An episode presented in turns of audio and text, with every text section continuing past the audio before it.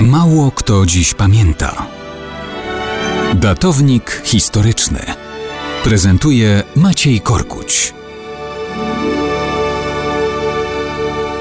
Mało kto dziś pamięta, że dopiero co minęła rocznica urodzin Georgija Konstantinowicza Ordżonikidze, zwanego Sergo.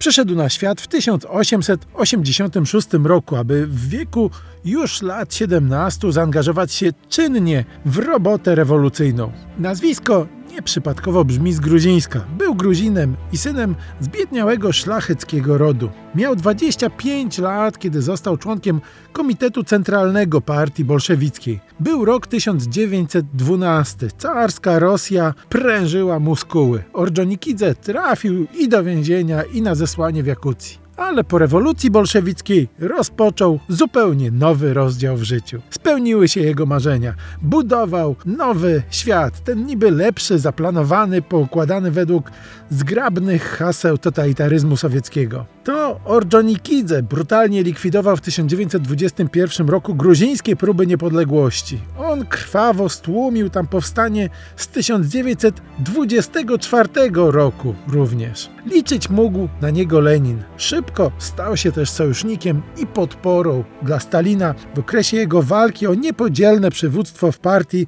po śmierci pierwszego wodza rewolucji. Cały czas Ordzhonikidze był na szczytach partii. Był też odpowiednikiem wicepremiera, zastępcą przewodniczącego Rady Komisarzy Ludowych oraz przewodniczącym Najwyższego Sowietu Gospodarki Narodowej i komisarzem przemysłu ciężkiego, a więc takiego, który był kluczowy w Związku Sowieckim. Czuł się Ordzhonikidze zasłużonym działaczem bolszewickim, który może sobie pozwolić nawet na spór z samym Stalinem.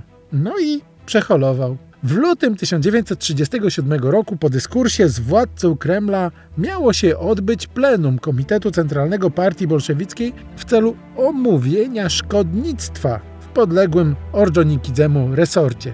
Ale jak to się w Rosji dzieje czasami, w przeddzień tegoż plenum Ordzhonikidze popełnił zupełnie przypadkowo samobójstwo. Oczywiście wiele wskazuje, że to samobójstwo nie było do końca samodzielne, ale Cóż, sam miał tyle krwi na rękach, że doprawdy nie ma co po nim płakać.